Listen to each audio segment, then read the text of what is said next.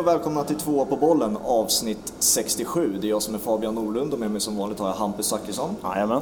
Och idag efter transfer deadline day och eh, vi ska summera såklart eh, transferfönstret som har varit. Så vem passar? Det finns ju såklart ingen som passar bättre än att ha med Patrik Syk då, Mr Deadline Day himself. Hur är läget? Jo, det är bra. Det är bra. Det var ju en sen kväll såklart igår. Ja, det är Eh, dagen efter eh, deadline day-sändningen. Ja, Det är alltid svårt att somna när man kommer hem och man har suttit så länge i TV. Det är väl så här adrenalinet igång på något Ja. sätt. Så att, det har inte blivit så många timmar. Eh, Men eh, det är okej.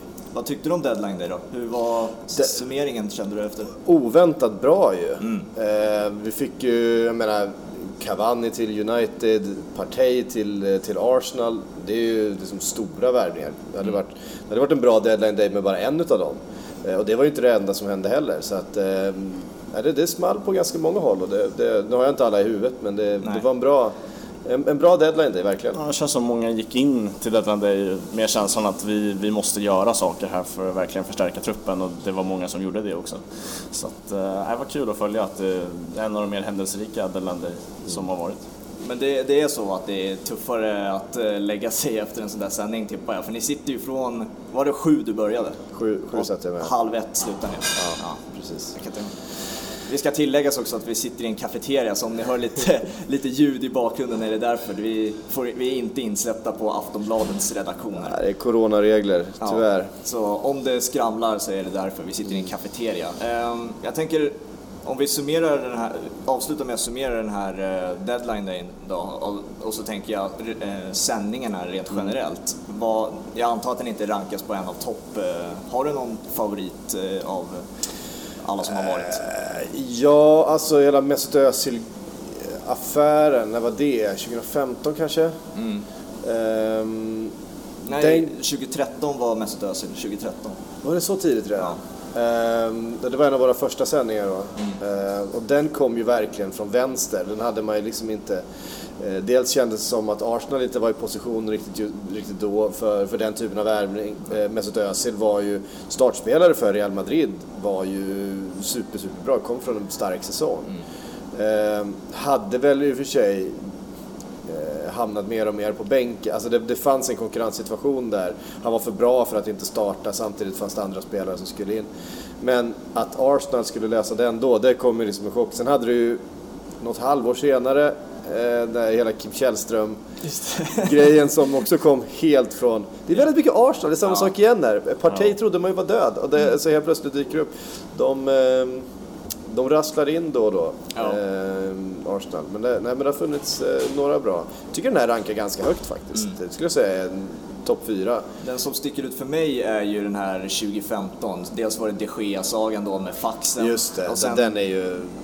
sen är det Martial för 50 miljoner pund i sista sekund också den sommaren. Precis. Den deadline day. Jag tror den sticker ut mest för dig. Jag vet inte, har du en favorit Hampus? Ja, alltså som trogen tittare till de här Deadline, Deadline Day-sändningarna så tycker man ju mest om när det händer absolut ingenting och eh, Erik Niva får utrymme att kasta godis på bränning och allt möjligt vad som har hänt Ja, eh, i den där studion. Men eh, jag tyckte det var kul igår, alltså också att det händer mycket, då får man ju också liksom det seriösa i det. Eh, så att, nej men det är, alltså jag gillar blandningen mellan lek och seriositet i de här sändningarna, det är det som gör det till vad det är tycker jag. Och det är det som har varit grejen hela tiden. Vi startade de här sändningarna 2012, eller var det 11 redan? Nej, 11 redan hade vi första sändningen. Eh, och det var en idé som jag hade gått och gnagit på liksom eh, en tid. Sky Sports hade ju liksom sina, liksom en helt annan typ av bevakning. Men de hade ju liksom börjat med den här deadline day-bevakningen eh, med sina tv-sändningar och, och man kunde följa liksom, man märkte att deadline day blev en grej på, på Twitter mer och mer. Eh, men det hade fortfarande inte riktigt liksom etablerat sig, i alla fall inte i Sverige. I England hade det mer etablerat sig. Och jag minns att jag satt på, tillsammans med Marcus Leifby på en eh, Kina-restaurang inte så långt härifrån. Vi satt och pratade om det här. Ehm, och vi, jag tror att vi hade kört några så här live eh, vanliga livechattar och Leifby, Leifby Live är ju liksom ett koncept. Och han hade suttit någon sån här deadline days och, och liveat om olika rykten och, och det hade varit ganska bra intresse så vi satt och, och funderade på om man skulle kunna ta det live, liksom, den livekänslan till ett tv-format. För då jobbade jag som tv-producent här på, på Aftonbladet. Ehm, och vi började, så sa jag det att ja, men fan, jag funderar på att Sky Sports gör det här men vi kommer inte kunna göra det som de gör och, och vi vill mer ha in den här live-känslan, vi vill mer ha in eh, vår personlighet i, eh, i den här bevakningen. Eh, så att eh, jag gick till sportchefen då, som var Pontus Carlgren på den tiden, eh, och sa vi har den här idén, 31 augusti, han visste knappt vad deadline day var överhuvudtaget. Alltså, det var inte ett etablerat liksom, fenomen då. Eh, men vi skulle vilja göra det här, eh, jag vill gärna ha med Simon Bank och Erik Niva. Ehm, och vi tänker liksom, fan vi ska göra en jävla jätte-livesändning. En timme ska den vara. en timmes livesändning bara om det här och vi ska liksom chatta med, du vet, med läsare. Det hade liksom inte gjorts. Det, det hade inte gjort något sånt. Um, jag tror att de längsta livesändningarna som hade streamats liksom exklusivt bara på nätet, uh, de var där runt liksom. Mm. Eh, åkte ner till, och då visade det sig att hela eh, alla våra fotbollsreportrar var i Malmö därför att det var landslagsläger och dessutom hade Erik Niva dragit ner till Rumänien eller någonting på något, eh, för att bevaka de matcherna. Han fanns inte tillgänglig. Men Simon Bank skulle i alla fall finnas på kvällen. Johan Flink också, som skriver mycket allsvenskan men annars bevakar mycket handboll. Eh, skulle finnas där eh, och, och någon till. Så, och Patrik Bränning var rätt ny då på, på Sportbladet, så att mest writade artiklar och eh, drog ut grejer i Silly-bloggen. Eh, som ju hade funnits i några år då. Ehm, så jag sa till Karin, kan inte jag få ta med mig Patrik Bränning? Han, har, han kan ju det här med Silly, han skriver skitmycket i, i, i bloggen. Och så, ja, ja. Och, och, en, och, så fanns det fotograf där nere för att det var liksom landslagsbevakningen. Så att jag lyckades boka ett hotellrum på, eller eh, eh, eh, en konferenslokal på hotellet där Simon Bank bodde för att det skulle vara så enkelt för Simon Bank som möjligt. och sen flög jag och Bränning ner helt enkelt. Vi visste inte alls vad vi skulle göra. Men jag och Leifby hade, eh, och Leifby var där nere också för att bevaka landslaget. Han och jag hade liksom kokat ihop en del Eh, vi hade sådana här typ ja eller nej pinnar. Där vi hade, på ena var det Bo Hansson som då var den positiva gubben. Det har ju liksom, det, den, den åldrades inte jätte, jätteväl. Eh, men Marcus Leif var väldigt förtjust i Bosse Hansson. Eh, och den andra var Leif GW Persson. Alltså, och det var inte för att vi inte gillade GV, men det var, då skulle vi koka lim på den jäveln som var ett eh, GV Persson. Eh, det här är väldigt Marcus Leifby alltihop, det var hans, hans grej. Eh, det slutade med att vi satt i den där konferensrummet och körde live med en kamera. En kamera, en tagning. Ehm, en kamera som inte var liksom satt fast heller utan som var på ett rullande stativ som man får runt och fram och tillbaks med. Jag hade lyckats bjuda in olika supportrar nere i Malmö och hade jättemycket moment för vi visste inte alls riktigt hur vi skulle göra ett sånt här körschema. Eh, och det blev liksom, vi, när vi var klara så kollade vi typ på klockan och sa shit vi har varit igång i fyra timmar. Vi hade bara suttit och tjötat och gått igenom alla de här och jag hade stått med något, något papper och skrivit ner alla mm, övergångar och så satte vi plus på dem fram och tillbaka. Så Simon Bank satt där hela tiden och Johan kom in och det var eh, jättegalet. Och sen så gick vi in och så tittade vi liksom på, på trafiken och sa fan vi har ju 100 000 tittare. Det är ju helt sjukt. Vi har aldrig haft så mycket tittare på en, på en livesändning någonsin på Aftonbladet. Vad ligger det nu? Jag, har faktiskt ingen aning. Eh, det var så länge sedan jag jobbade på TV-redaktionen så att jag, jag, jag, jag vet, jag vet faktiskt inte. Igår liksom? Eh, vet inte ens vad man får kommunicera. Ja, enda siffran jag såg var att vi hade 3600 starter i minuten mm -hmm. vid något tillfälle. Ja, alltså det är ju, det är ju den mest populära deadline day-sändningen, så är det ju. Eh, alltså, det har ju blivit, ja. blivit ett koncept som är otroligt populärt. Ja, sen nu, alla, nu finns det ju flera stycken att välja på. Nu ja, finns exakt. också sociala medier på ett helt att funkar. Alltså Twitter liksom har, fyller en funktion nu som den inte gjorde riktigt på den tiden. Det fanns inte de här kontinuerliga uppdateringarna på samma sätt. Det var egentligen liksom Mirror var väl den enda engelska tidningen som hade ett riktigt Twitter, eh, alltså sociala medier. Ehm, ett aktivt Twitterkonto på det sättet. Mm. Menar, nu har du journalister som jag menar Fabrizio Romano, du, det räcker med att du följer hans Twitterfeed så, ja, så har du liksom det mesta. Exakt. Så var det inte riktigt på den tiden. Eh, så vi gjorde det 2011, sen var jag pappaledig vin, första vintern, vinterfönster 2012, så då blev det ingenting. Eh, och sen var jag tillbaka 2012 där den 31 augusti, då gjorde vi den första. Då hade vi liksom fått väldigt blodad tand sådär och tänkte att nu kör vi 12 till 12. Mm. Eh, och det var första gången som vi gjorde det eh, här i källan i den samma studio som vi har varit hela tiden. Gick runt på redaktionen och släpade upp stolar för vi hade inte, vi hade inte access till rekvisitarummet så att vi, vi tog stolar ifrån redaktionen och bar ner. Eh, ingen riktig plan, försökte bjuda in en massa folk, liksom olika reportrar, olika, vi hade väl de sportchefer inne från allsvenska lag och vi har haft lite olika gäster sådär. Mm. Eh, men framförallt skulle det ju kännas som att vi hängde. Ja, men så det, känns det ju numera. Ja, alltså, vi... och, och, det, var verkligen, det var verkligen vårt mål. Ja. För att det vi märkte under den sändningen i Malmö där vi inte alls visste vad vi gjorde, men vi bara hade någon slags lös idé om vad vi, om vad vi skulle hitta på för någonting. Um, men det vi märkte var att fan, det var jävligt kul. Liksom. Mm. Det var jävligt kul att hänga, det blev jävligt mycket garv. Vi, fan, vi, bara, vi släpper hela körschemat. Mm. Vi släpper hela den uppstyrda grejen. Skit i liksom, om det drar över 10 minuter hit eller snöar iväg. Det, det, var liksom, det var ju grejen. Så det tog vi fasta på. Vi gjorde liksom en utvärdering av den sändningen, tog fasta på det. Nästa år så körde vi 12 timmar, helt fritt. Vi käkar i studion, vi liksom... Eh, fram, vi, gör, vi byter alla myggor liksom. Mm. Sen i perioder har vi försökt, liksom så här, har det funnits vissa som, nej men vi måste kanske ha något litet klipp någonstans när vi byter myggor i alla fall. Men, så här, men från början var verkligen tanken att vi skulle göra, det skulle vara verkligen Wayne's World liksom. Det skulle mm. vara ett häng i en källare och vi skulle bara sitta och, och gaffla om, eh, om övergångar. Eh, och sen så blev det. Ja, nu fick ni hela historien hur, hur konceptet kom till. Men, men så var det, sen har vi kört liksom. Ja, innan vi börjar gå igenom fönstret så slänger jag in en, en skön Delandej eh, sändningsgrej. Det var ju när ni ringde upp eh, Bosse Andersson och det ryktades här vilt om eh, Kim Källström. Men han, eh, han hade ju show där i några minuter. Och han, var inte, han var inte helt spik tror jag. nej, det slutade med att det var Aljo Badji som blev klar där. Och, ja, nej, det precis. Var, det var stökigt, men det var kul. Ja, jag minns också när vi fick tag på Konoplyankas agent. Han hade ju svensk, eller en utav agenterna i teamet där var svensk. Som Bränning hade kontakt med. Men vi hade, ingen, vi hade liksom ingen telefonmodul i studion.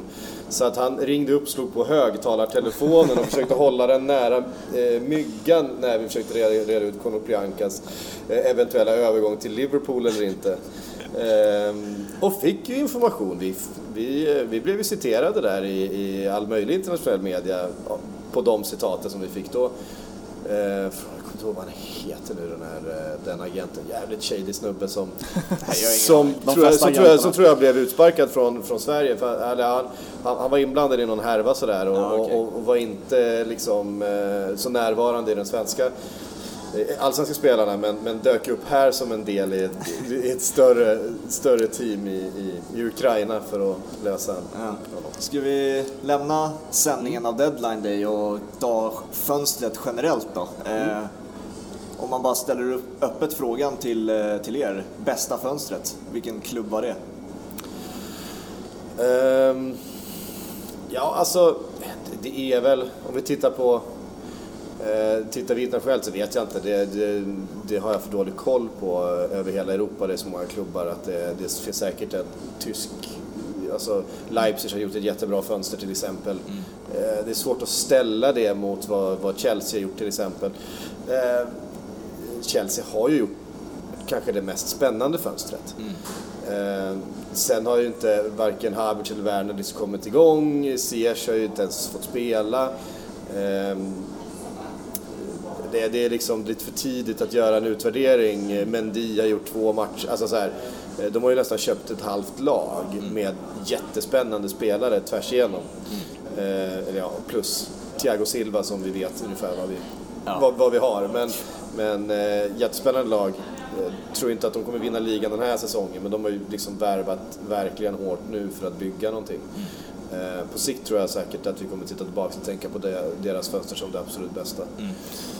Ja, jag tänker på ja, dels Chelsea men också att Arsenal fick precis det de behövde. Det känns mm. som att man har tjatat i ja, men tio år om en defensiv mittfältare som kan vara ett block och de har testat med Torreira, de har testat med Guendouzi, de har testat med allt möjligt och liksom i Community Shield-finalen mot Liverpool så dyker helt plötsligt en Neni upp igen. Mm. Undrar vad fan är frågan om.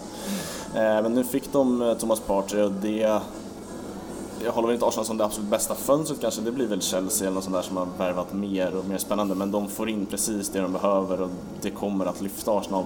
Arteta har fått en bra start, så att jag tror att Arsenal liksom får får det mest definitiva lyftet av mm. den värvningen. Det håller jag med om. Jag är så jävla skra- Jag tycker det är en grym värvning, eh, Partey. Men jag är så jävla skraj för engelsk media att de kommer sänka honom så fort han gör en dålig match. För att det påminner lite om, nu, är inte, nu vill jag inte jämföra Paul Pogba och Thomas Partey, men det, det kan vara snarlikt med att ah, han har inte gjort assist eller mål på 20 matcher, men det har den här spelaren, jada jada jada. Mm. Och, det liksom, och då så sänker man den spelaren. Det är inte den typen av spelare man köper in och jag tror inte man har den käll...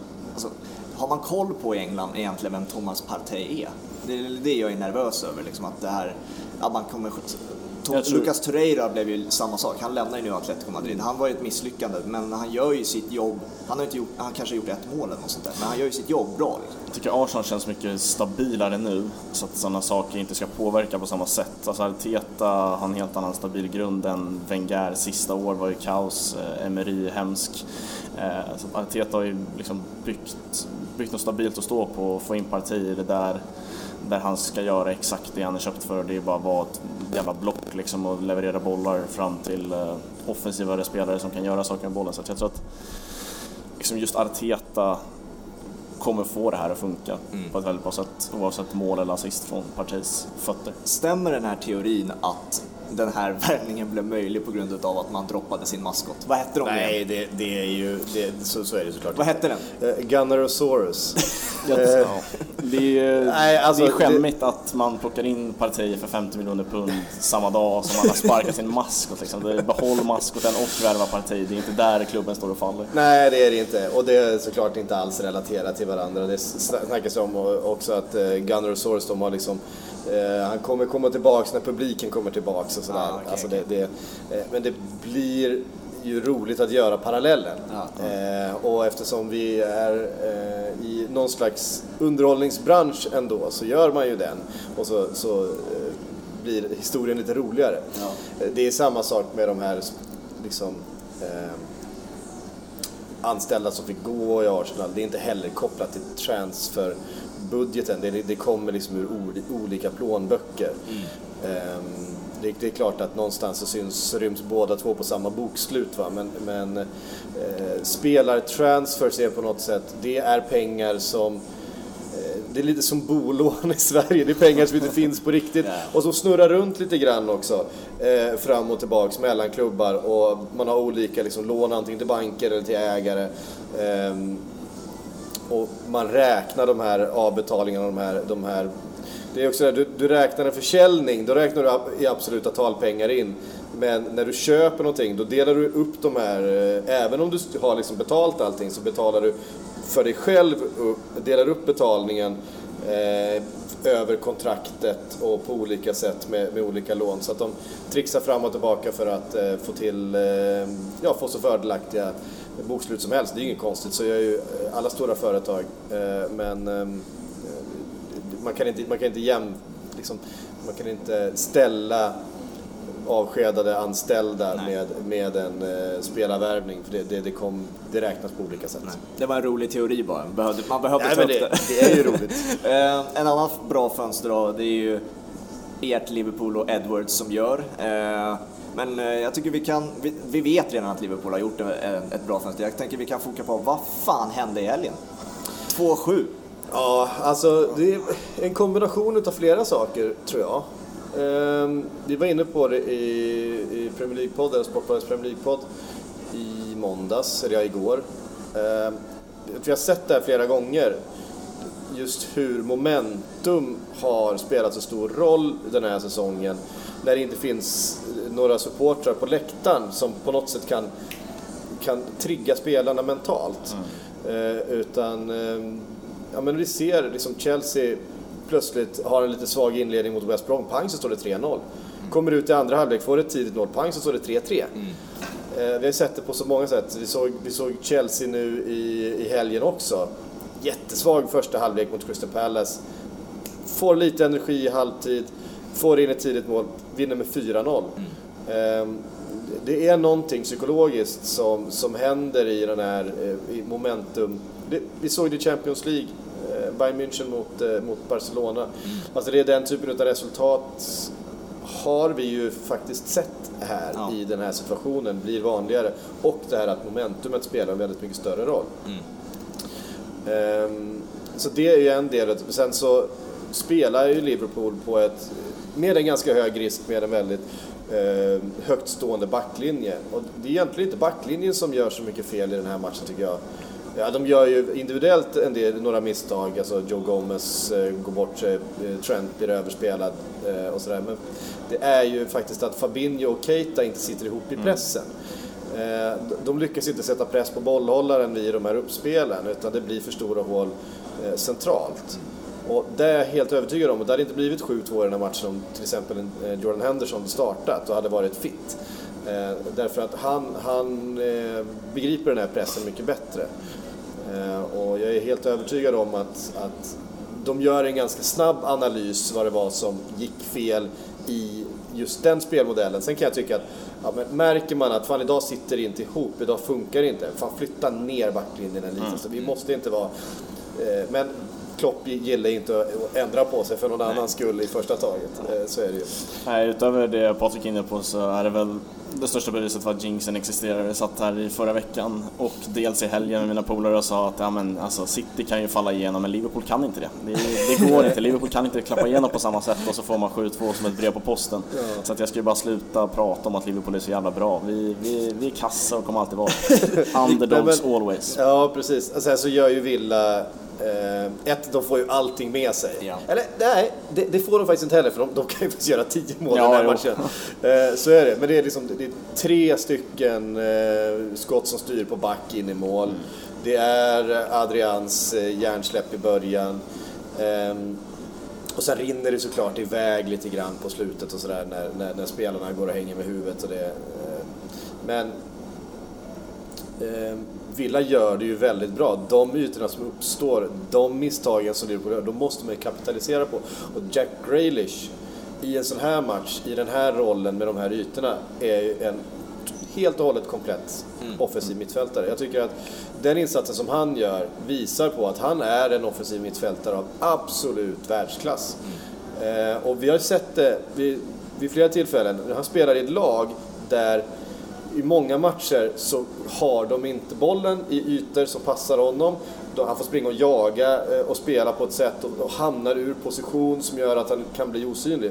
Men i ett lag som för matcher, som har ytor, Ja, vi ser att han jobbar stenhårt, han vinner bollar, han kan transportera boll över mittfältet, han kan slå sin gubbe en mot en, han kan slå bollen i djupled, han kan hitta eh, kombinationsspel offensivt och han kan avsluta. Han är fan mig helt komplett som offensiv mittfältare. Eh, I matcher, alltså Jack Grealish är ett större lag. Jag, jag var inne på, jag lyssnade precis på, på uh, The Guardians uh, uh, Football Weekly där Philip Auclair, den franske fotbollsjournalisten, var helt inne på att England borde bygga sitt landslag runt Jack Grealish. Ja. Det är verkligen precis spelartypen som de behöver. Mm. De behöver den där kreativa kraften som verkligen kan vinna fotbollsmatcher. Mm. Därför att i ett lag som, som för, som skapar mycket ytor, som har mycket boll, där han får komma rättvänd, där han har eh, spelare som tar smarta löpningar, som tar rätt löpningar. Alltså han har ju spelat i ett lag utan en anfallare i stort sett i, i Aston Villa och, och, ändå sett så fantastiskt bra ut. Mm. Eh, och har liksom fått dra det här laget verkligen själv. Den enda spelaren som höll någon slags kvalitet var ju McGinn i början på förra säsongen. Sen skadades han och var borta i nio månader, då var det liksom bara Gradish kvar. Ja. Eh, nu har de fått in, ehm, eh, vad heter han? Olly eh, Watkins. Barkley. Barkley och uh, Ollie, Ollie, Watkins. Ollie Watkins ja. Eh, plus att McGinn är tillbaks. Och vi såg att de fyra var ju, var ju brutalt bra ja. i, i den här matchen och, och, kunde verkligen utnyttja det här. Så jag tycker Villa ser, ser kanon ut och att de lyckats hålla Jack Grealish i det här fönstret. Visst, han, han kostar väldigt mycket pengar om han ska gå någonstans. Men det är också att han har skrivit ett, ett långt kontrakt med Villa för att han gillar den klubben och han vill liksom betala tillbaks. Mm. Jag tror det var bra för Wille också att han, alltså Grealish var ju enormt svag efter coronabreaket och det mm. gjorde väl att intresset svalnade så, och sen nu flyger han igen så att. Eh, det var nog bra för Villa.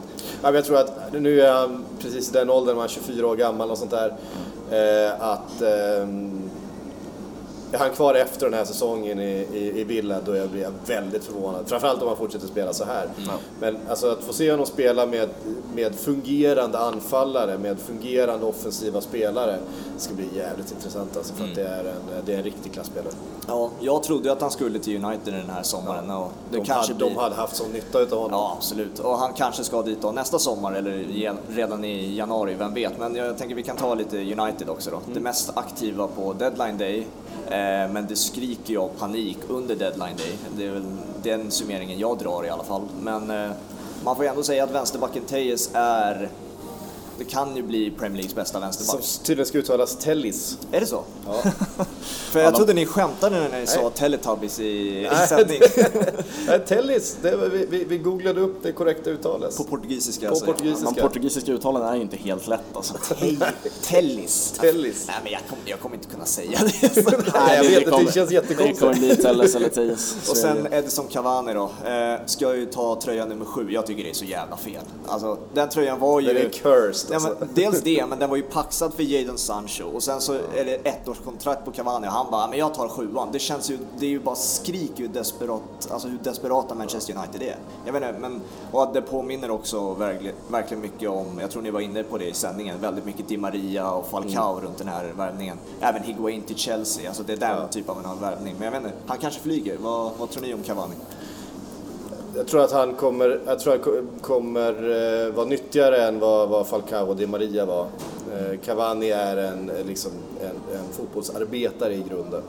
Eh, däremot så löser han ju inga utav Uniteds problem. Nej. Jag tyckte det var roligt som någon skrev på Twitter. Ja, med, Fal- med, eller, med, nu höll jag på att säga Falcao. Med, med Cavani i laget så hade vi bara förlorat med 6-2. Ja. Ehm, det, det är verkligen inte den positionen som eh, det brinner för eh, Manchester United. Alltså, eh, om man tittar nu, United har spelat tre matcher den här säsongen. Man blev slaktad utav Crystal Palace. Man blev fan mig slaktad utav Brighton Ja. också, även om, man, även om man vinner den matchen. Och man blir slaktad utav, ehm, utav Spurs. Det är så dålig form på det laget just nu och det är så många frågetecken att ehm, någonting måste verkligen hända. För det är i grund och botten inga dåliga försvarare heller. Eh, däremot så är jag inte helt säker på att Alex Te- Tellis är helt rätt typ för United. Därför att han är en extremt offensiv vänsterback som inte är speciellt snabb. Nej. Alltså, han är ju en vänsterytter maskerad eh, som eh, en vänsterback. Misslyckad vänsterytter helt enkelt. Ja, men eh, lite grann som han, han är absolut en duktig fotbollsspelare. Eh, men sådär 28 år gammal. Eh, han, har liksom, han, han är ju på sin peak just nu och är absolut duktig och kommer säkert bidra med liksom offensivt. Men defensivt så kommer det ju inte bli bättre med eh, Tellis på planen är, är eh, bekymret. Och, nu har man ju en defensivt stark högerback då istället i Fambisaka så man kan liksom försöka vikta laget och kanske ehm, eh, utnyttja det på ett annat sätt. Men faktum är att Fambisaka har varit ganska svag i den här eh, säsongsupptakten också. Eh, och inte bara offensivt där han liksom har sina brister utan faktiskt även defensivt. Ehm, och det är liksom symptomatiskt för hela laget och det är en fantastisk högerback eh, egentligen. Och Harry Maguire är ju liksom ingen, han är ju inte en Phil Jones. Han är ju en duktig mittback. Det är ju eh, det, är ju det här som, som av någon anledning fortsätter hända med Manchester United. Att det liksom det bara blir, alltså spelarna på något sätt efter ett tag blir sämre. Ja. Eh, och det är svårt, svårt att sätta fingret på vad, vad det är i den klubben som, som inte fungerar. Eller det är inte så svårt att sätta fingret på för att det kommer uppifrån. Eh, det kommer uppifrån och det, det finns en, en eh, brist på eh, förståelse för den egna påverkan på, på hela organisationen tror jag. Eh, det behöver ju liksom startas om på något sätt. Eh, tyvärr. Jag tycker också den här omställningen till Premier League har man ju sett att så här, det är ingen myt utan man behöver, alltså i, i vissa fall säsong, eh, en säsong för att komma in i det. Timo Werner och Kai Havertz har ju sett otroligt svala ut och att Alex Tejes nu nästa match ska komma in och lösa försvarsspelet på ett bättre sätt kommer ju inte hända. Eh, jag vet inte om han överhuvudtaget kommer lösa något försvarsspel i och med att han är så offensiv som han är. Eh, han behöver ju en stabil backlinje för att kunna ge sig iväg på sina turer. Eh, så att jag tror att det, det kommer nog ta när säsongen för Teija ska komma in i det här. Eh, men i grunden tycker jag en bra värvning för att vänsterbackarna har inte varit bra. Brandon Williams Nej. är dessutom högerfotad och det är jag allergisk mot när vänsterbackar är högerfotade tar ju liksom fyra sekunder extra för dem att slå ett inlägg. Eh, och sen Luke Shaw har ju ah, tappat det mesta. Så den tycker jag är bra. Sen Cavani, just med omställningen, en annan, han är en färdig fotbollsspelare på ett helt annat sätt. Så där tror jag att han kommer komma in i det rätt fort. Eh, där är det väl mer ekonomiska aspekten. Hur, liksom, hur mycket får de ut av att betala? Han betalar väl 100 miljoner i agentavgift och säkert en saftig sign-on. Så det är väl en dyr värvning och får se vad man egentligen får ut av Cavani. Visst, han är en färdig fotbollsspelare men han är alltså viktigt nu att Martial blev utvisad. Han ska antagligen då in i startelvan direkt nästa mm. match, vilken match det nu är. Och eh, han har inte spelat, eh, alltså han har inte varit med i en startelva, vad är det, på 6-7 månader? Det är ju en, alltså, det är, en re, det är inte en chansning, det är, det är nog värre än det liksom. Det känns riktigt, riktigt riskabelt där. Ja, jag tror framförallt, alltså så länge så länge Solskär sitter kvar som tränare för Manchester United och eh, såklart Glazer och Woodward, men det är högre upp och jag ser inte det hända inom en snar framtid. Solskär är väl det som liksom har en chans att faktiskt hända, att han får gå. Ja. Så kommer det bli vad det är. Alltså de kommer ha otroliga dippar och sen också höga toppar, absolut. Mm. Det Newcastle borta i nästa. Så är det. Eh, tuff match, ja. men, eh, men eh, såklart en match som Manchester United ska vinna. Mm. Så är det ju. Men eh, det är, det är ingen lätt match. Eh, ja. Absolut inte. Och nu kommer det ju mer och mer rykten om att det pågår förhandlingar mellan United och eh, Pochettino.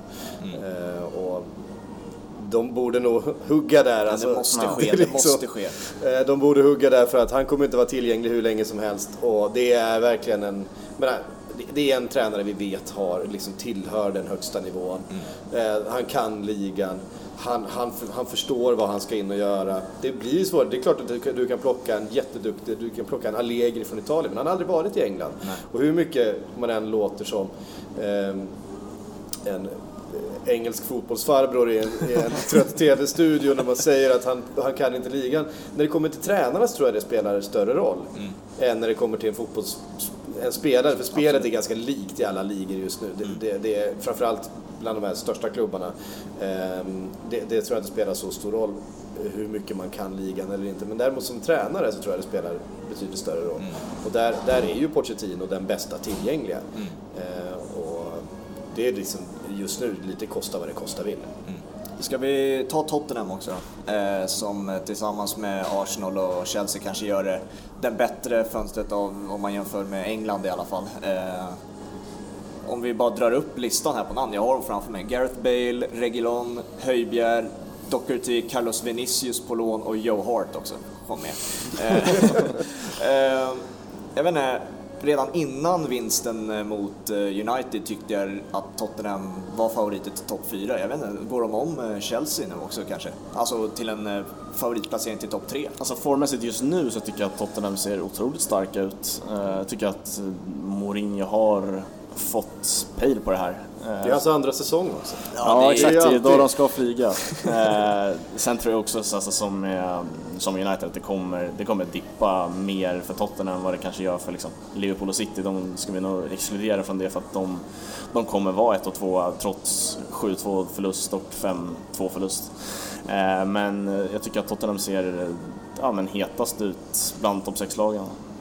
Ja, och så man tänker Erik Lamela, det är en bra spelare, men sen ska Bale in där också. Och eh, jag vet, Harry Kane har ju fått någon slags ny roll också i den här lite mm. släpande. Han, han, han har blivit en framspelare. Ja, en playmaker. Han bara spelar fram sån minst fem gånger varje match. Alltså. Det är helt är otroligt. Han är fenomenal alltså. Ja, och eh, jag vet inte om man jämför med Chelseas fönster då, som är eh, Kai Havertz, Timo Werner, Ben Chilwell, Thiago Silva, Sar, Mendy och Ziyech. Det är liksom det är som du har varit inne på Sif, det är liksom mer än en hel startelva. Och eh, Mourinho har ju satt sin startelva och bara kryddar på känns det som nu. Och det är väl där det väger lite mer för Tottenham kanske, att det, det känns mer färdigt. Ja, det kommer ta en säsong till för Chelsea innan det här kommer bli riktigt bra. Eh, så är det verkligen. De har fått in också en spelare som Regulon som jag tycker är en eh, helt fenomenal vänsterback. Mm. Det är ju då också kortsiktigt man har honom. Eh, Därför att han har en återköpsklausul till, till Real Madrid och jag eh, skulle inte bli förvånad om de faktiskt kommer trigga den.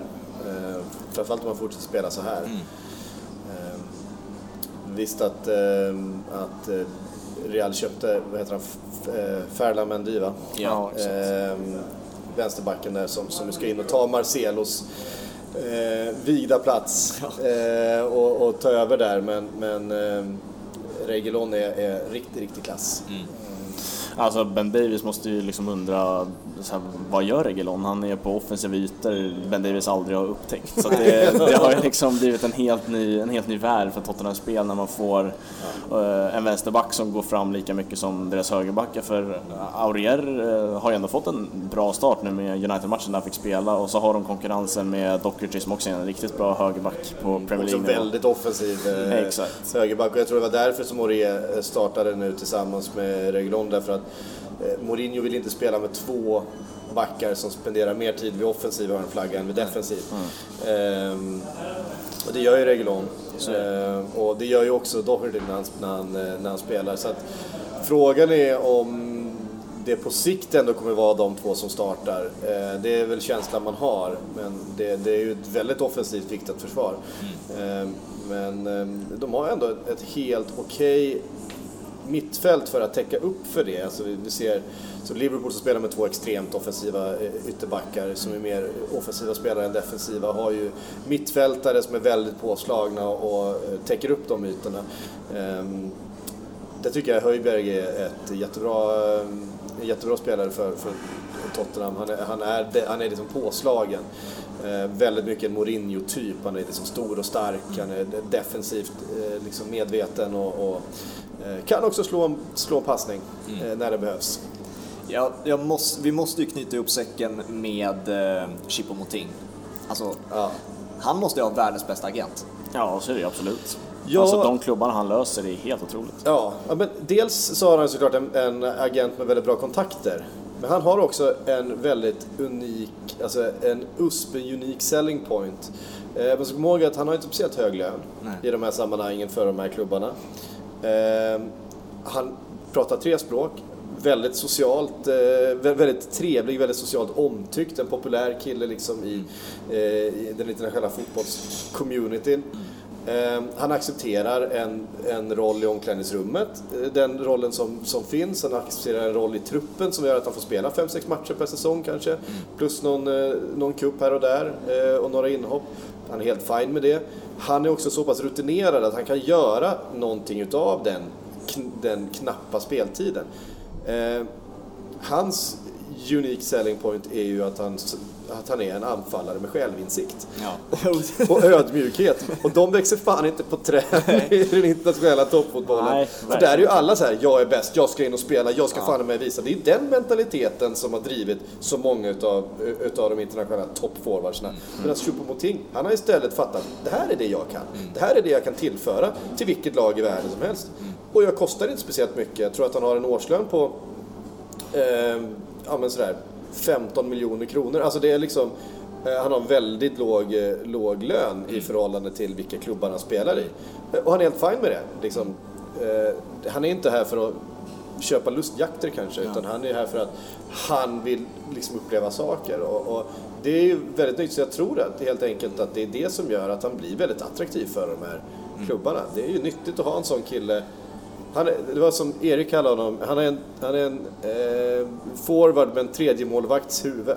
Ja, så är det. han, Han, gick ju från Stoke, ja, tidigare hade han varit lite i Bundesliga, Schalke och Mainz och allt det där. Sen gick han till Stoke, åker ner med Stoke till Championship, går därefter till PSG och nu är han i världens bästa klubb i Bayern München. Alltså jag, jag får Fabio Borini-vibbar på agenten. Alltså, kommer, det måste ju ni, han måste ju ni minnas som Liverpool-fans. Vad fan, Ja, ja. Vad, gjorde, vad gjorde han i Liverpool liksom? Han gjorde något drömmål där. Han gjorde det ändå? Nej, det, var, det fanns en ganska bra förklaring till varför han hamnade i Liverpool. För han hade haft ett lån eh, i Swansea under tiden Brennan Rodgers var där. Där han fullständigt öste in mål. Mm. Han var fenomenal där under liksom 20 matcher eh, med, med Swansea. För han, han är ju en stimspelare. Alltså han, han kom ju in i sådana målstim och han gjorde mål varenda match. Han hade ett sånt i Swansea så Brennan Rodgers såg Fan den här killen har jag jobbat med förut. Mm. Eh, jobbar hårt. Eh, jag vet hur jag ska använda honom. Han öser in mål. Han kostar inte speciellt mycket. Honom ska vi ha. Eh, så visade det sig att han inte var så bra. Nej, det så var det. Ska vi avsluta där helt, helt enkelt? Ja, mycket, mycket positiva vibbar kring det här fönstret. Det är trist att prata vilka som har gjort sämst fönster för det är, dessutom svårt. Så att det är Sämst många fönster som har har, gjort. har West Ham gjort. Ja, Har värvat, har de- har sålt, sålt, gjort. sålt tio spelare tror jag, värvat en. Och så gjorde Blev de- det något med Filip Andersson igår? Jag vet inte vad det han blir färdigt. Nej, jag tror inte det blev något. Och sen släpper man eh, Jack Wilshere också. Då förlorar man bara där, tycker jag. Liksom. Ja, det, är Det lite var sorgligt. tragiskt. det är lite sorgligt. Nej, många, många lag som har gjort ett bra fönster så att... Eh, Lyckades i och för sig hålla i, i eh, eh, Declan Rice och det är ju En sommar till i alla fall. en sommar till och det var nog det viktigaste för dem. För att de har ett helt okej lag ändå, West Ham. De gjorde ett väldigt bra januarifönster. De kan leva lite på det. För att eh, det kommer inte in speciellt mycket i den här. nej, jag ju vind i seglen nu, två raka segrar. Men det är skönt att eh, fönstret är stängt så man kan eh, summera ihop det och nu är lagen satta för ett landslagsuppehåll sen drar det igång igen och då får man se ja, de klara lagen så det känns härligt. Exakt. Eh, stort tack att du ville vara med Patrik. Eh, du ska berätta också vad, vi, vad alla kan hitta dig på sociala medier och sånt där. Ja, eh, ja, det är Patrik Syk, at Twitter eller at Instagram eller ja, säger man än så? Nej, så säger man inte. Är tvär, tvär, tvärtom. Ja. Eh, det, det, det är bara mitt namn. Yes. Ja, eh, oss hittar ni på Instagram och Twitter. Två på bollen Instagram och sen två bollen på Twitter. En tvåa som är siffra och inte med bokstäver. Sen får ni gärna följa våra personliga konton som är länkade i bion.